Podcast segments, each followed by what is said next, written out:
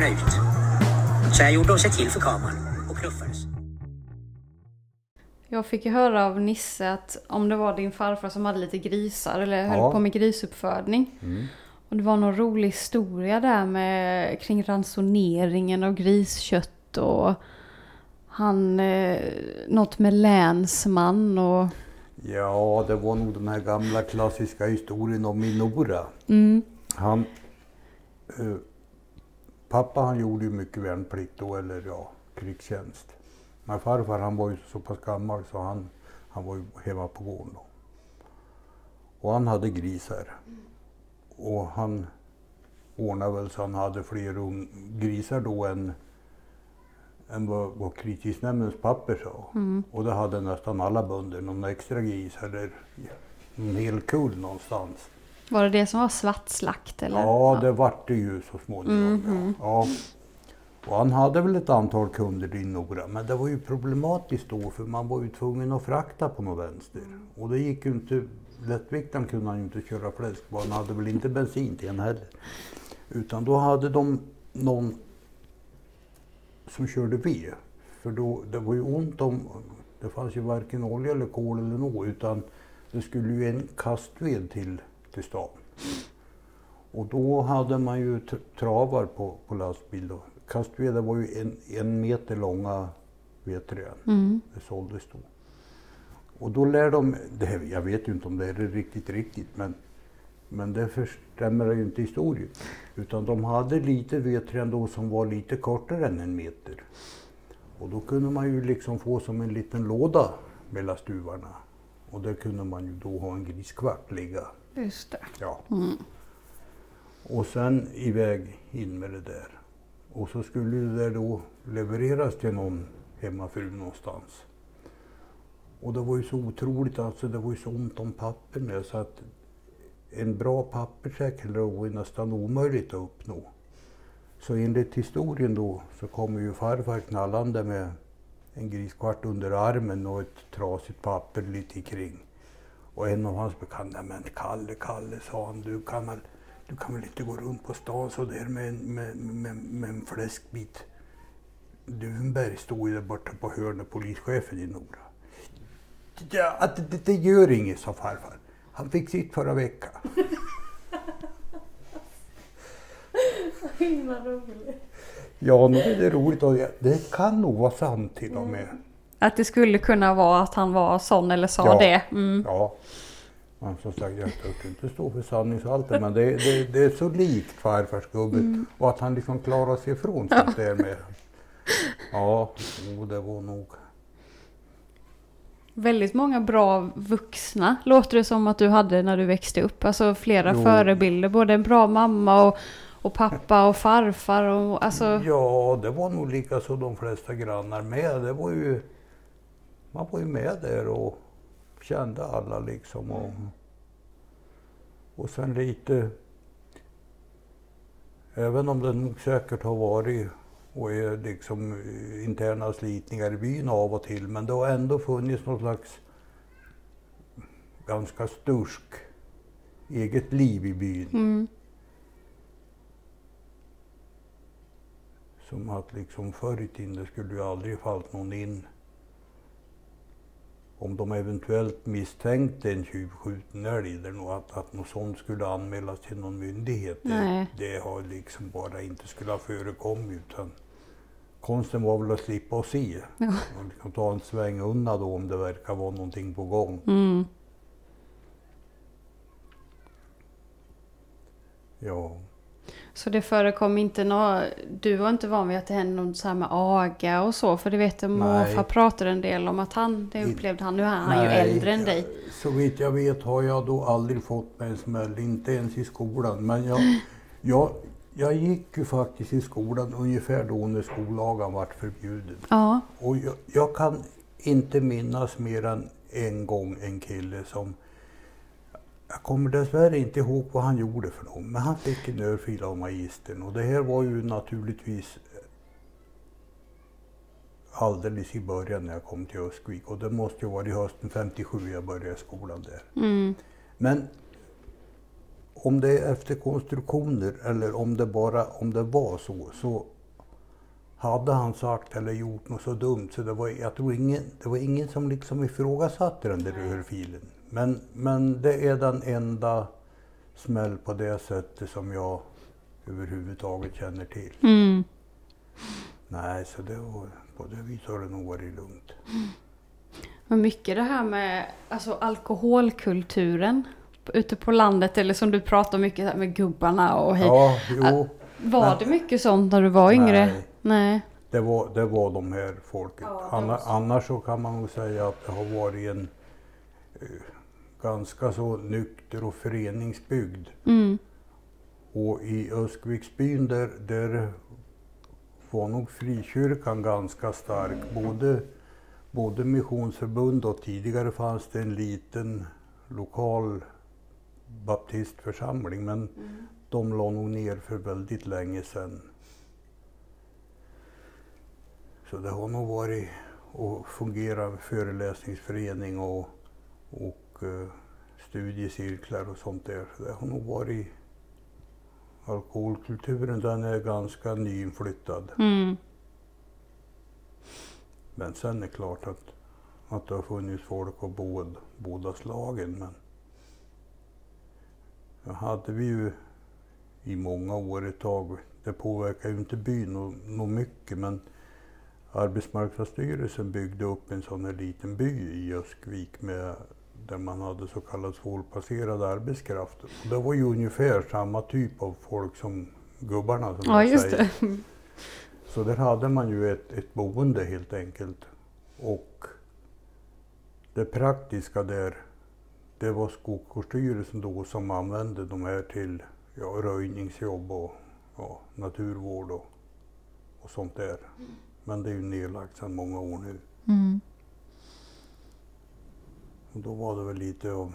Och faktiskt att då, när vi höll på med en av de här milerna kring 1970, då kom det en som var intagen, eller ja, intagna var de väl inte, de fick, sökte sig nog. Han hade varit uppe med farsan och jobbat någon sväng då på 50-talet.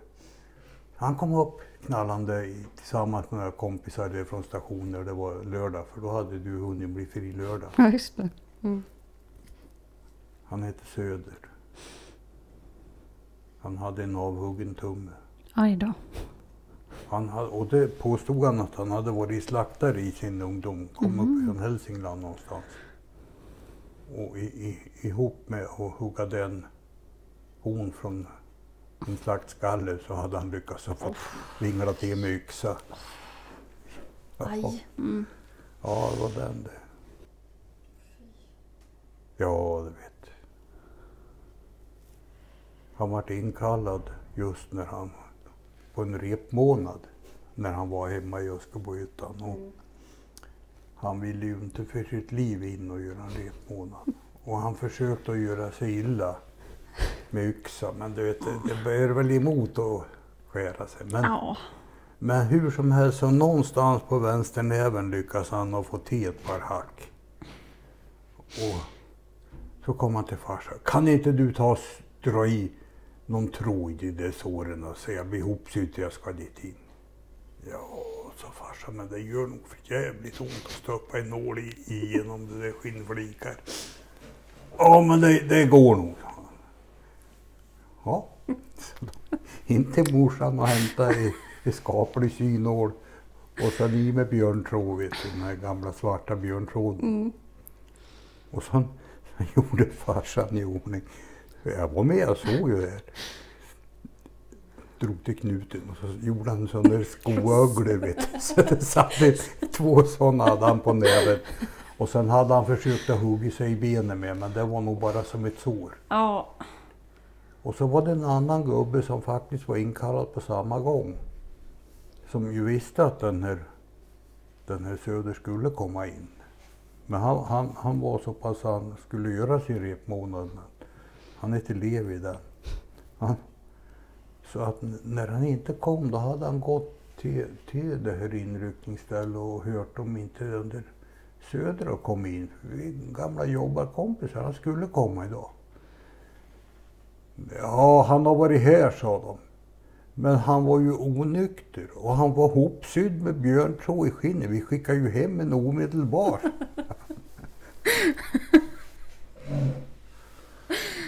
ja. Ja, det här Levi, det var en, en riktigt duktig både hästkörare och traktorförare. Men han, han var också i alkoholets band kan man säga. Mm. Jag kommer inte ihåg nu men han, han, när han kom upp till farsan då kom han från någon av de större gårdar i, i, i Närke. Men han hade ställt till för mycket så de orkade inte ha honom kvar. Nej. Så att han, han var nog den första egentligen som körde lite direkt i skogen med traktor och ja, det var ju kälke de använde då. Alice Chalmer. Med sådana här hopställda hjul vet du, som det är direkt importerad amerikan som man släpar hit massor då ihop med andra världskriget eller direkt efter. Det fanns ju inte just några traktorer att uppbringa. Nej. Och, och som här i bygderna där var ju hästen stark i och med att man fortfarande körde så mycket i skogen med häst. Så traktorerna gick ju lite sakta fram här. Ja, just det. Men som sagt den där, av någon anledning så hade farsan köpt en sån där Alice Chalmer. Men den var svår. Det var så långt till kopplig pedal på den så den, den kunde man inte köra som ungen. Fick gång bli åtminstone 12 innan den räckte till köra. Typiskt. Ja. Fick vänta så länge. Då Ja. är man ju... Ja. Men sen förstår du, som 1957 då köpte han en, en BM35. Och den var mycket smartare gjord för ungar. Så att då var jag 10 ungefär och den kunde jag klara. Problemet med den traktorn var att det var så liten knopp på stoppvajer så farsan var tvungen att sätta dit en grov mattvarp så jag kunde trä in hela näven för att orka stanna motorn. Anpassa lite där så det Ja. blir barnvänligt liksom så. Exakt. Mm. En barnvänlig BM35. Ja, det var ju Och den-. Den traktorn han står kvar fortfarande hemma. Alltså, Visserligen skogsutrustad. För att 65, 67 någon gång då fick vi på en, en eh, till och med radiostyrd hydraulkran på den. Mm. Så den, den finns kvar. Ibland mattsamlingar med det finns ju hur mycket som helst där uppe på plan. Jag har bara hört talas om detta. Jag har aldrig varit där och kollat men jag har hört att det finns mycket. Ja, det finns fina mycket, grejer. Mm. finns mycket fina grejer. Om man nu förstår vad det är som är fina grejer. Just det. Ja. Jo, det finns. Han har en, en B-Chalmer och ett par Ferguson-grollar. En BM55 och farsans gamla 35 står där. Mm. Fina gamla materiella minnen Ja, kan jag tänka mig. Och, det kan man ju kalla det. ja. ja. Har du något sånt där, du har ju hur mycket minnen som helst, men är det något sånt där favorit eller det finaste barndomsminnet sådär som, som kommer upp i huvudet? Eller är det svårt kanske att säga? Ja, ett sånt där återkommande minne som givetvis är väldigt fint. Det var ju min födelsedag då, 6 augusti. Mm. Fram på eftermiddagen, då kom alltid då min farmor och den här som jag kallar faster Berta, alltså som var, eller tant Berta sa jag, men pappa sa faster. Mm. Då kom de knallande förstår du och då hade de en nygjord tårta med hallon på. Oh. Och där stod det då Bengt och sen hur många år det nu Oh. var. För då 6 augusti då fanns det ju allmänhet hallon. Just det. Och jag tror nästan att det var tant Berta som gjorde själva tårtan och farmor hade säkert med sig någon bok i lämplig ålder. För båda de där tanterna, ja de var ju gamla lärare precis. och Mm. så de, de är ju liksom skadade på sitt sätt. Så de var ju lite halvkulturella. Mm. Och det är nog liksom Ja, sen det finns ju mycket minnen. Ja. Alltså ett rent sånt är mera praktiskt, men då är vi inne på brorsan och mig. Det var ju vi, vi, det rinner en liten bäck under backen där uppe i verkstaden. Mm. Och där byggde vi vattenhjul. Och där hade vi otroligt roligt. Och jag, då kommer jag faktiskt ihåg, vi, vi hade lyckats att, att få en sån här gammal, ja, jag kommer inte ihåg vad de kallade dem ens en gång, men man vevade dem så det var en fläkt som blåste i. Det var ett enkelt rensverk kan man säga för spannmål. Så det var ett, ett skaksåll som lät tröskade sig rinna ner och sen var det en luftström som gjorde att den bästa böse blåste Ja, bort. blåser på. Ja. Ja. Och vi fick en sån där och du vet, då fick vi ju lager och ett hjul med Mm. vingar på. Det där monterade vi i bäcken. Plank det fick vi nog ta för farsan om, man, om vi hittade något som passade och, och, och, och hammare och spik. Och något rör efter, ja det var något gammalt bösrör eller något, det kanske var 5-6 tum i diameter. Och så byggde vi damm. Och så fick vi det där att gå runt. Och det var ju roligt. Men sen skulle det ju behöva låta också. ja, just det. Ja. Och då hade vi ju sett vattenhjul eller bilder på vattenhjul. Så då monterade vi på en av ekrarna i hjulet. Så, så lyckades vi montera i en, en bra grov skruv då så att, att det kunde lyfta. Och sen hade vi ett rönnspö vet du, fastsatt. Om vi säger att hjulet låg här då och paddla. Då satte vi fast det där och sen en bra lång sån här rönn. Och de är ju så, fjädrar ju så bra. Mm. Och sen hade vi fått, eller fått, det låg väl på någon skrothög, locket till en bra stor järn, järn, gjutjärnsgryta. Mm. Och sen hölls vi och byggde det i bäcken och justerade in det där så att jag tror det var en gammal stor mutter vi hade i änden på spö bara. Så det liksom precis plingade till var, varje gång. Och det, det klang bra nog i det där gjutjärnslocket. Och du vet, vi var lyckliga. Men sen ville vi ju få det där att låta mer och gå fortare så då byggde vi dammen höger för att få lite mera vattentryck. Men, men sen var vi så ihärdiga att bygga så vi började på kom upp så långt så att vattnet var på gränsen att krypa in i jordkällaren där potatisen var. Då sa farsan ifrån. Ja. Då, Då var, nej. Nej, nu är, det, nu är det stopp. Nu bygger ni inte högre. Så där fick vi ju, där hade vi dammens övre punkt. Mm. Det var tröskel in till matkällaren. Men det där förstår du, då kom det hem en av de här gubbar som väl mådde riktigt dåligt och hade fönster mot bäcken där i flygel. Han var och förstörde det lite grann. Så det var tyst. Jaha. Men den gången var faktiskt morsan på våran sida. Då fick han sig ett riktigt uttag. Så att han rörde aldrig det. Ja, vi reparerade, vi var ju som bävrar. Ja, Det precis. hade, hade ju ingen, ingen större betydelse. Så det var ju snart igång igen. Men jag tror vi fick lov att ha någon anordning så vi hängde upp det så det inte stod och klingade på nätter. För mamma sov nog inte så det är jättebra på nätterna ofta. Utan, Nej. men oj, oj, oj vad timmar vi gjorde där. Det låter som att om du skulle säga att du skulle söka in till någon utbildning nu. Det, det känns som att det är ju lite ingenjör i dig. Sådär uppfinnar-Jocke. Jo, men jag, det, det tror jag faktiskt är helt enkelt, vad ska vi säga, det är de här entreprenadgenerna som ligger i Bergmansfamiljerna. De har nog lyckats blomma lite i, och, och än mer för Mats, vet du, han, är, han, han, han har liksom en, en något slags mekanisk känsla i sig. Och det kvittar nästan vad det är för någonting, bara det inte är elektriskt. Mm. Jo, men där är vi olika. Mm. För mig står elen klar, va? men det är liksom stopp för honom. Men så är det mekaniska saker och känna och plocka ihop saker som egentligen kanske inte borde passa. Men det känns att det går att använda. Han har plockat ihop motorer av högar med gamla delar. Och det brukar funka. Man måste ju prova liksom. Ja, och inte vara rädd för att Nej. prova och veta med sig att det kanske blir lika mycket skruva igen. Men Mm. vi må pröva. Ja, vi prövar. Men om du hade fått välja någon utbildning eller så här, vad tror du att du hade valt?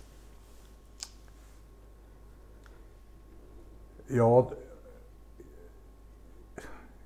jag har nog i så fall har det nog blivit tekniskt museum Mm. eller tekniskt gymnasium av något slag. Och det har nog varit kvar. Men det där är svårt att veta eftersom jag var så avvisande då. För jag, jag har en kompis sen realskolans tid. Men han var lite matte, matte gubbe. Så han fortsatte på den kemiska sidan. Men vi har kontakt fortfarande. Mm. Han är ju pensionär han med nu. Han hamnade så småningom upp på Sunds defibrillator men han, han doktorerade i kemi och, pa och pappersblekning. Jaha. Men vi har haft kontakt varenda födelsedag sedan, ja vad blir det här? Början på 60-talet. Det är inte dåligt. Nej. Han kom, ja han doktorerade som sagt ner på Chalmers. Men sen fick han tips om en tjänst på Sunds defibrator heter det, ligger norr om Sundsvall. De gör alltså processerna för pappersmasseframställning. Och sen har de även ja, utveckling av processer och tillverkning av maskinerna sen. Så den tjommen han har, han har varit både kemisk och mekanisk på det sättet. Det, har, sk- det har skulle ha varit ett bra ställe att jobba på faktiskt, på deras... För vi var, jag har ju varit där, eller var där ute på Sunds några gånger där de hade sina experimentverkstad. Där hade de roligt, det kan du bara säga. mig. Full, ing, inga som helst spärrar på material eller svetsar och maskiner utan Oh. allt fanns tillgängligt.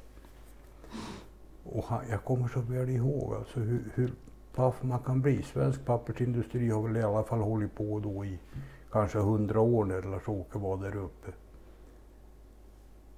Och jag frågade, vad, vad håller du på med den här, eller ni, den här killen som jobbar, eller de var flera på, på den här experimentverkstaden. Men, för de byggde ju ofta modeller alltså som var relativt små.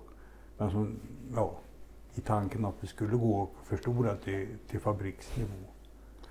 Ja, det här låter tokigt, säger Lars-Åke. Men det här är en omrörare som är till för någon, något steg i, i massakokningen. Och du förstår att det finns ingen som vet riktigt vad vi gör. Utan sådana här maskiner, då har man gjort i lite olika modeller och skruvat in i det. Men vi vet inte riktigt varför eller hur de fungerar. Nej. Så det håller vi på att ta rätt på nu. Jag låter lite otroligt. Ja, det låter ju helt... Men eh, Så länge också. Bara, jag Ja. vet inte, man har bara... ja, det har, Ja, har bara funkat ju gått- liksom. Ja. Men han, han, han är nog lite sådär grundlig så att han är tvungen att veta. Så plocka isär och se liksom vad... Ja, Mm, hur ser det ut och varför ja. och sen då analyserna på det. Ja, det har nog varit intressant. Han, han, eh, de jobbar ju mycket då, Sunds ihop med finska, papp, papp, papp, papp. Ja, skitsamma vad de heter. Men på den sydamerikanska marknaden. Vet, man satte ju till att odla eukalyptus i stor skala i Brasilien för att ta fram pappersmassa fort Ja. och billigt. Ja. Det växer ju fort. Man får ju fram en svensk massa vid skog på 10-11 år. Mm. Och då var det ju mot amerikanarna man slogs i mångt och mycket. Men det var inte så svårt för amerikanerna de, de vägrade då till sig moderna tankar på miljövänlig process. Alltså vad som rann ut bredvid ur fabriken det brydde de sig inte om. Så att de höll i så länge så att de vart, amerikanerna de vart liksom överkörda av europeisk industri kan man säga. Tillverkning på, på maskiner både vad det gällde Ostasien och du vet man satsade ju mycket pengar efter Vietnamkriget på att Ja. få, igång på pappersindustri i Indonesien, Vietnam och det där. Och det var de med Sunds med och härja. Det är inte dåligt Nej. att köra om dem i så stora Nej, länder. men och... de, de, de, det var mer medveten om. Det. Mm. Yngre, men de hade ingen gammal tradition på industrigubbar. Utan det var nya studenter som, Mm. Som såg vad som skulle komma ut på andra sidan rör. Men det är bara att se vad alla de här stora uh, ligninbankar som ligger efter hela Norrlandskusten. De skulle inte vara där. Nej. Absolut. Och det, men jag vet inte heller om de kan eller törs röra i dem. Nej men mycket av sånt där, naturen har ju viss förmåga att läka sig själv och stänga in saker. Och det är frågan om det är vettigt att börja peta i det. Nej, Nej. det är en bra fråga, det, måste, verkligen. det måste de ju hålla så och göra mycket jobb. Jo då, Lars-Åke Ström. Hans pappa han var, kom till Nora som, ja vad ska man säga, lite arbetskraftsflykting på, i slutet på 30-talet. Han var egentligen trädgårdsmästare men han vart överflyttad på västkusten och fick nog påhak i Nora. Så hamnade de där. Alla vägar bär till Nora. Ja, men många bär därifrån också. Ja. Ja, jag och Mats och jag. jag nu kommer jag på, apropå Nora, då är jag ju nära till Göte. komma på när, när vi skulle prova och spränga lite. Farsan var, han var lite sprängt Han tyckte det var roligt. Så att han, lär, han lärde oss tidigt hur man använde tändstickor och stubin och tändhattar och sånt där så vi inte skulle skada oss. Nej. Och så var det en påsk. Ja, jag kommer inte riktigt ihåg hur det var men det var väl en, en sån här transportmjölkflaska vet du, som hade blivit lite rostig. De gamla de var ju försinkade Mm. så de vart ju ganska slibbiga. Så vi tog väl ett par gubbar eller någon, ja jag vet inte hur mycket det var men i alla fall och knallade iväg upp i skogen och skulle skjuta en påsksmäll. Och vi tyckte det skulle vara lite intressant att se hur pass fort locket skulle komma ur den där så vi, vi krokade väl, det var ju kedja som locken hängde i. Mm. Men den var ju bara att bryta upp lite och kroka av. Sen ställde vi den där uppe på Södra Trollberg och så laddade vi och tände och slog ner locket och sen gick vi undan på naturligtvis ordentligt behörigt avstånd. Mm. Det hade vi ju lärt oss och det small. Och jag vet ju inte fortfarande om det där lock, om det kom att bli satellitbana, hur, hur det gick. Men det försvann väl, ja det försvann så högt upp, jag såg det inte till. Oj! Ja, det, det var roligt. Ja, om någon fick syn på ett UFO så det kan ju vara Ja, ni då kan, som Det kan ha varit locket från Södra Trollberget som, som var ute och cyklade. en liksom oförarglig påsksmäll. Ja, Ja. mhm. Mm. ja, den var ju helt oförarglig. Det var ju lite mer tokigt när Mats fyllde 50. Men då hade du kanske hört. ja, men du får gärna berätta det igen. Ja, ja det vart ju så tokigt. Mats och Inga-Lill Erika var ju på Nya Zeeland. Så de var borta. Så vi hade ju verkstaden i fred. Så Mm. vi byggde ju en bil. Och det var av en gammal... Jag hade haft, eller hade den ju kvar då, en Subaru Trendy. En fyrhjulsdriven historia. Och Mats hade ju börjat med den där Chrysler veteranbilen. Så vi skulle ju göra en veteranbil åt den till han fyllde 50. Så vi började väl med att hacka av tak av den där bil så det vart liksom, han vart ju en låg cabriolet då. Och sen för att få ut längden på den så bultade vi fast fem och en halv meters björk massastockar. Och ly- lyckades att leta på två stycken som klyka sig bak så här. Så det var liksom, ja, Som en vinge nästan? Ja, ja. precis. Fastbultade. Och sen såg det ju lite fånigt ut med små hjulen. Så det, där uppe på plan stod det ett gammalt tröskverk. Så det tog vi den järnhjulen av. Och så bort med däcken och gjo- gjorde anslutning till Ja, det var lite pyssel för att få dit hjulbultar dit de där järnhjulen till tröskverket. Men det var till fyra släta järnhjul på den i alla fall. Mm. Och så var vi och köpte fotogenlampor då så det vart fint värre med två vita fram och ett par rödlackade fotogenlampor bak. Och sen för det skulle dundra så mycket som möjligt så slog vi den grenröraven och, och lyckades använda gängtapp. Hade sån tur så det gick att, att dra gängen med en entums gängtapp till vanliga sådana här gamla vattledningsrör. Så det satt tre piper upp för det var en liten trecylindrig motor. Och han röt någonting så otroligt. Ja, och de kom ju hem precis till, till födelsedagen skulle vara. Då hade vi haft den där gömd så han inte, skulle hitta den. Och sen då eftersom vi hade haft en gömd var vi tvungna att ta fram den då på natten. Och det var ju 24 februari han fyllde. Och det vart en sån där totalt vindstilla kväll och kallt i februari och helt klart. Och för att få den där bort till, till Mats och Ingalill då, då fick jag ju lov att ta igång på den gamla hjullastaren och den gick också med rakpipa. Och han brummade ganska högljutt. Men vi fick den ju dit bort i alla fall.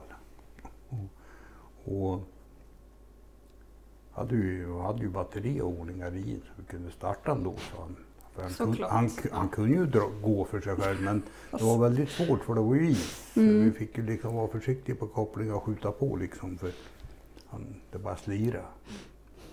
Och sen då för att tala om att nu var det födelsedag så hade Mats kompis Peter, han hade tagit med sig dynamit. Och det vart nog i mesta laget. Han, han gick upp på den där kullen vet du, där mitt för Mats. där, Och la dynamit mot en sten på baksidan ner mot sjön. Och och det small någonting så alldeles kopiöst. Och det rullade vet du, ekon över sjön.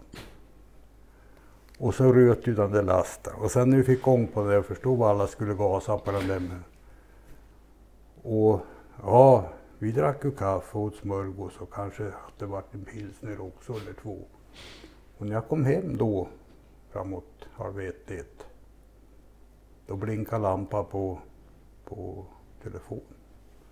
Och jag hann inte mer än in i köket så ringde telefonen. Och jag svarade. Ja, ja det här var ju från polisen i Örebro, sa han. Ja, jag tänkte vad är det nu då? Och ja du sa han, det är så här att vi har fått in anmälan om en eventuell flygolycka i, över Rusken. Jaha, sa jag. Och vi kontaktade Ingemar Lindblom. Han var uppe i, i det vet du vem det är, sa han va? Ja, jo, visst vet jag Ingemar Lindblom. Och då säger han att inte fan är det någon flygmaskin som har rasat ner. Det är ju de där i Öskarbohyttan som har kalas. Ja, det stämmer ju. Inte vet jag att någon flygmaskin har ramlat ner och nog, nog har vi lite kalas här i byn ikväll. Kan du, kan du verifiera att det är precis 12 rötmotorer och en riktig explosion? Ja, det kan nog stämma rätt så bra för vi hade en skaplig bangare och lav och, och sen hölls vi ju med en hjullastare och en, en, en rakrörad motor här och gasa. Ja, är, är du säker på det där med 12? För det, det finns inget flyg som saknas som någon har registrerat i alla fall. Men vi har ju fått som sagt påringning. Ja, folk är så känsliga. Och det mycket dynamit ni blåste av? Nej, så jag tror inte ens det var dynamit utan det var nog, de, de kallar den för tungbanger eller något. För du vet, det har gått på tok för pojken som sköt. Mm. Han var lite yrkesverksam. Ja, och just det, var skydda honom Ja, lite där. visst, jag, var ju, jag var ju tvungen att ordna det där lite fint där. Men det gick ju bra. Det var egentligen bara Svenska Dagbladet vad det stod om misstänkt flygolycka. Var ingen flygolycka. Ja, det är sista gången vi haft någon riktig kläm i Öskarbohyttan tror jag. Fast jag har ju hört en historia till eh, med där ni byggde ett piratskepp. Och var ute på sjön. Jag tror det var Nisse som fyllde 40. Ja, han, han fyllde 40. Ja. Ja. jo. Men det var väl ganska stillsamt. Ja, det var inte så mycket dynamit och Svenska Dagbladet och polis, men engagemanget är ju helt Engagemanget galet. var stort, ja. ja. Det, var, det sämsta var att vi hade så liten motor så vi höll ju aldrig på att komma till, till festplatsen. Men jo, men det stämmer. Det, det var ett bra engagemang. Mm. Men det var kallt när vi åkte hem sen på morgonen. Det Och tänka. tog jag, det gick så sakta så det var inte klokt. Ja, då var det var alldeles då. Då var Nisse och Elisabeth nytt par. Bra nog. Mm. Och jag minns det. Ja. Jo då, vi var ju många vet du som, som eh, hade puttrat över sjön ner då. Till den där udden. Ja, det så var nog. det var nog, måste ha varit lite kluvet för Nisse med för det var ju många välklädda fina gäster, eller ja fina men jämfört Från med. Fjollträsk. Ja, det vart nog en lite kulturblandning där. Men det är Ja. det som är så himla roligt. Men jag tror inte det var någon av oss som får så illa av det. Utan vi redde oss nog. Tänk vilka historier, tänker jag, de åker tillbaka med. Ah, ni skulle varit med. Då kom grannarna på sjön men med ett skepp som de hade byggt. Och Ja, ja men själva flotten den hade nog egentligen Nisse varit med och byggt också. Jaha, Men ja. inte seglet och, och det här att det detaljerna liksom. Det var lite senare. Ja, Ja, jag tycker jag blir imponerad av liksom grannsamverkan som ni verkar ha haft väldigt alltså, speciell förr. ja ni hittade det, på jättemycket Det ihop. var ju mycket så då. Vi var ju många som var då mellan 40 och Ja, jag fyllde ju 50. Jag fick ju kräftan som ligger fortfarande där nere. Mm. Och Ola han fick ju det här flygande tefatet med, med blinkande lampor i. Ja. Man var lite yngre och lite morskare då. Ja, men bara Men- idéerna och att ni... Att, ofta är det ju sådär att man säger att ah, men det hade varit roligt. Men oftast går man ju inte och gör det. Men ni, precis, ni gjorde ju det. Ja. Det är det jag tycker är så häftigt. Och det har försvunnit lite, inte bara Öskebyhyttan utan jag tänker så generellt. Den känslan lite att man, nej men var och en har sitt. Och det där Jo. grannsamverkan, det är inte riktigt på samma sätt som det var förr. Nej, det kan nog hända, men jag, jag tror lite le, lever nog, alltså i det skulle jag nog vilja påstå att det lever skogsfolkets, eh, vad ska vi säga, nödvändighet med samarbete. Liksom det, det ligger så självklart. Att man dricker kaffe i vilken kåk som helst och om någon kör fast eller kör av en skackel så är det klart att man ställer in och hjälper till till det där funkar. Och ja, om det sen är bara våran familj eller om det är alla andras familjer, om det bara om det är bygdens allmänna överlevnad som har legat i där, det, det är lite svårt att säga. Ja. Mm. Men om du skulle... Vi säger så här att vi, det, jag vet egentligen redan svaret på den här frågan men jag, säger, jag frågar den ändå. Om du skulle få, du får välja vem du vill, död eller levande, och få träffa och prata över en fika. Vem hade det varit? Ja, eftersom jag lyssnat på dina poddar förut och hade hört frågan så det gick jag att fundera på mycket. Och jag, jag tror nog att jag fortfarande skulle uppskatta att få prata med hon som var min mormor alltså. Mm. Hon var också barnfödd där uppe i Hjulsjö socken. Och han ju flytta med, ja föda alla sina barn och flytta med morfar mellan gruvbyarna och tillbaka hem. Eller ja, till hans hem då. Det är inte så långt emellan hennes födelseby men, men ändå till hembygden där. Jag tror det skulle vara intressant att veta för jag kände ju mammas syskon.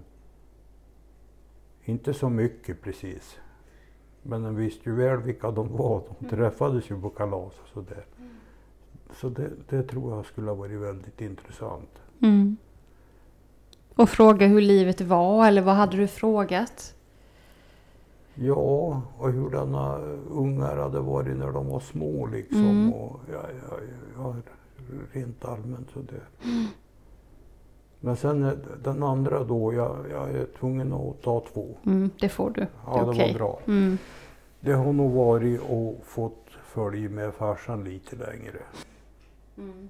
Det tror jag. För det varit lite väl abrupt. Mm.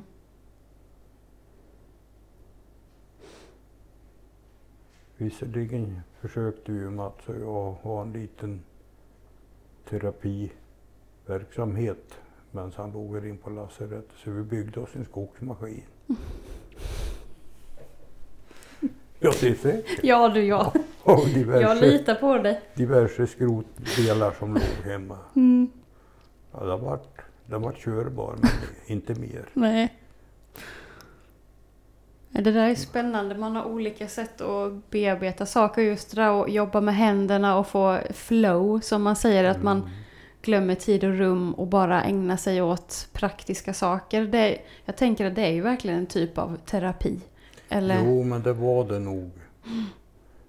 Jag, jag tror ju att vi var ganska medvetna om att det aldrig skulle bli någon produktionsmaskin. Men det var intensivt att bygga och spjälka tankar helt enkelt. Ja. Och göra det även, även om tillsammans. man kanske inte begrep det då ens Nej. en gång. Skulle jag vilja påstå. Mm. Ja, men en liten Det- process. Ja. ja, dessutom så det roligare där och då höll vi på i, i gamla gödselrummet där nere där BG bor. Och det var ju kallt. Men då hade vi inte börjat rusta på kåken än. Så då hade elföreningen fortfarande en, en elkontakt satt i en stolpe som man inte mätte strömmen på. Så vi hade gratis ström till värme där. Ja, man får inte vara dum. Nej. Nej. Nej, så var, nej men som sagt det där i, i, i den där frågan om, jag, jag, jag tror det är den här mormor som de andra har ju kunnat prata med Mm. och hört lite om. Mm. Farfar till exempel, han, han var ganska duktig berättare. Han gjorde värnplikten på, ja vad det nu hette, kavalleriet i Stockholm. Han tog en bondpermis för han behövde göra någonting och åkte dit. Men jag kommer inte ihåg straffet, det har jag glömt. Men...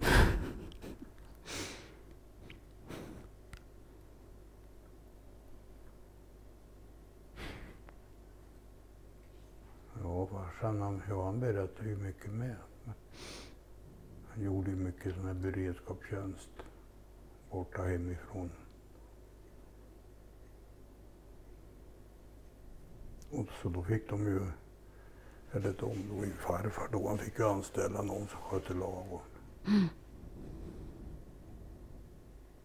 Men som sagt, som mormor, jag, jag vet ju inte alls hur mycket, hur mycket bonde hon var och så där, för de, de hade ju där i Kärntorp, de var ju tvungna att bärga foder till hästen och ett par kor. Tog fram någon kalv, eller ett par kalvar varje år. Och gris förstås. Mm. Så de hade saltfläsk att äta. Vad sa din mamma om sin mamma, alltså din mormor? Hade hon mycket minnen eller? Det hade hon naturligtvis, men det var för tungt. Ja. Det, det, Det gick inte att prata om sådana saker. Nej. nej. Man, det kan man ju verkligen förstå samtidigt som att det är lite frustrerande också. Att, åh, det hade ju var, varit roligt att få lite svar. Liksom. Jo, men det, det visst. Men det... Det var nog lite för mycket sådär. Mm. Det är ju inte alls tror jag, men jag vet inte, jag, jag, är ju, jag är inte så det värst över sig på det där med människor och tankar. Men jag tror nästan att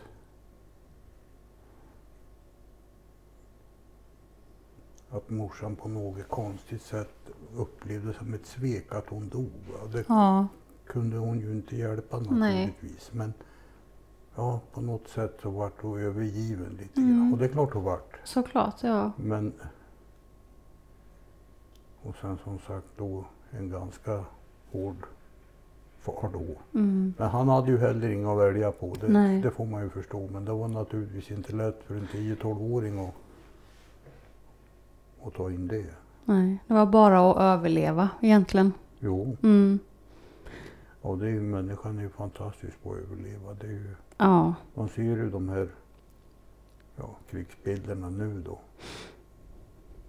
Usch. Hur, ja, hur unga liksom kan skaka av sig på, som det ser ut. Mm. Det är klart att de inte gör det. Nej. Men, men eh, gungar eller sitter i sandlådan och öser Mm. som till automateld. Ja, vu- vuxenvärlden är svår. Det är det verkligen. Ja, jag vet att det börjar på att vara dags att. Ja, vi ska snart avsluta. Jag tänker jag kan en sista fråga här nu. Mm. Om du hade varit politiker, vad hade du velat... Är det någon fråga sådär som du kände att det här skulle jag vilja kämpa för? Eller att det skulle diskuteras mer om? Eller? Ja, då, då, det, det är ju en gammal käpphäst naturligtvis och yrkesskada. Men den här inkonsekventa och ryckiga jordbrukspolitiken som har förstört för så otroligt med skickliga viljor och yrkesfolk. Den är orättfärdig. Och det är, en, det är ju inget nytt alltså. Och det spelar nog ingen större roll vilka regimer vi har haft. Men att en, en näring som jord, djur och skog, att den ska vara utsatt för politiska ryck vart femte, vart tionde år, det är omöjligt. Idag får vi skäll för att vi odlar gran som vi var lagligen tvungna att plantera på 60-talet. Mm.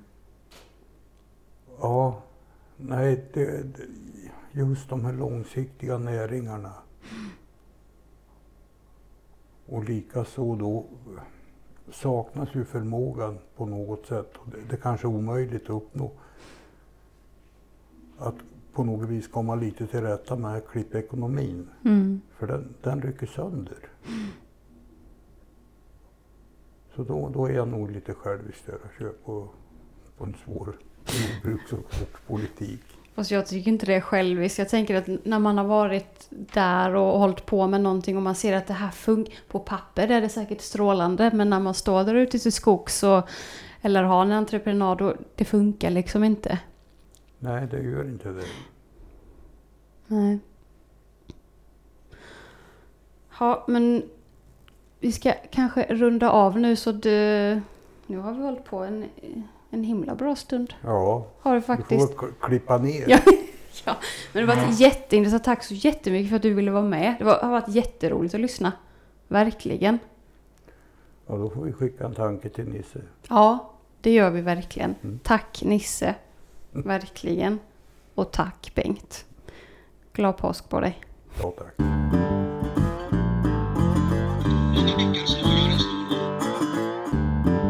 Så här som människorna ut.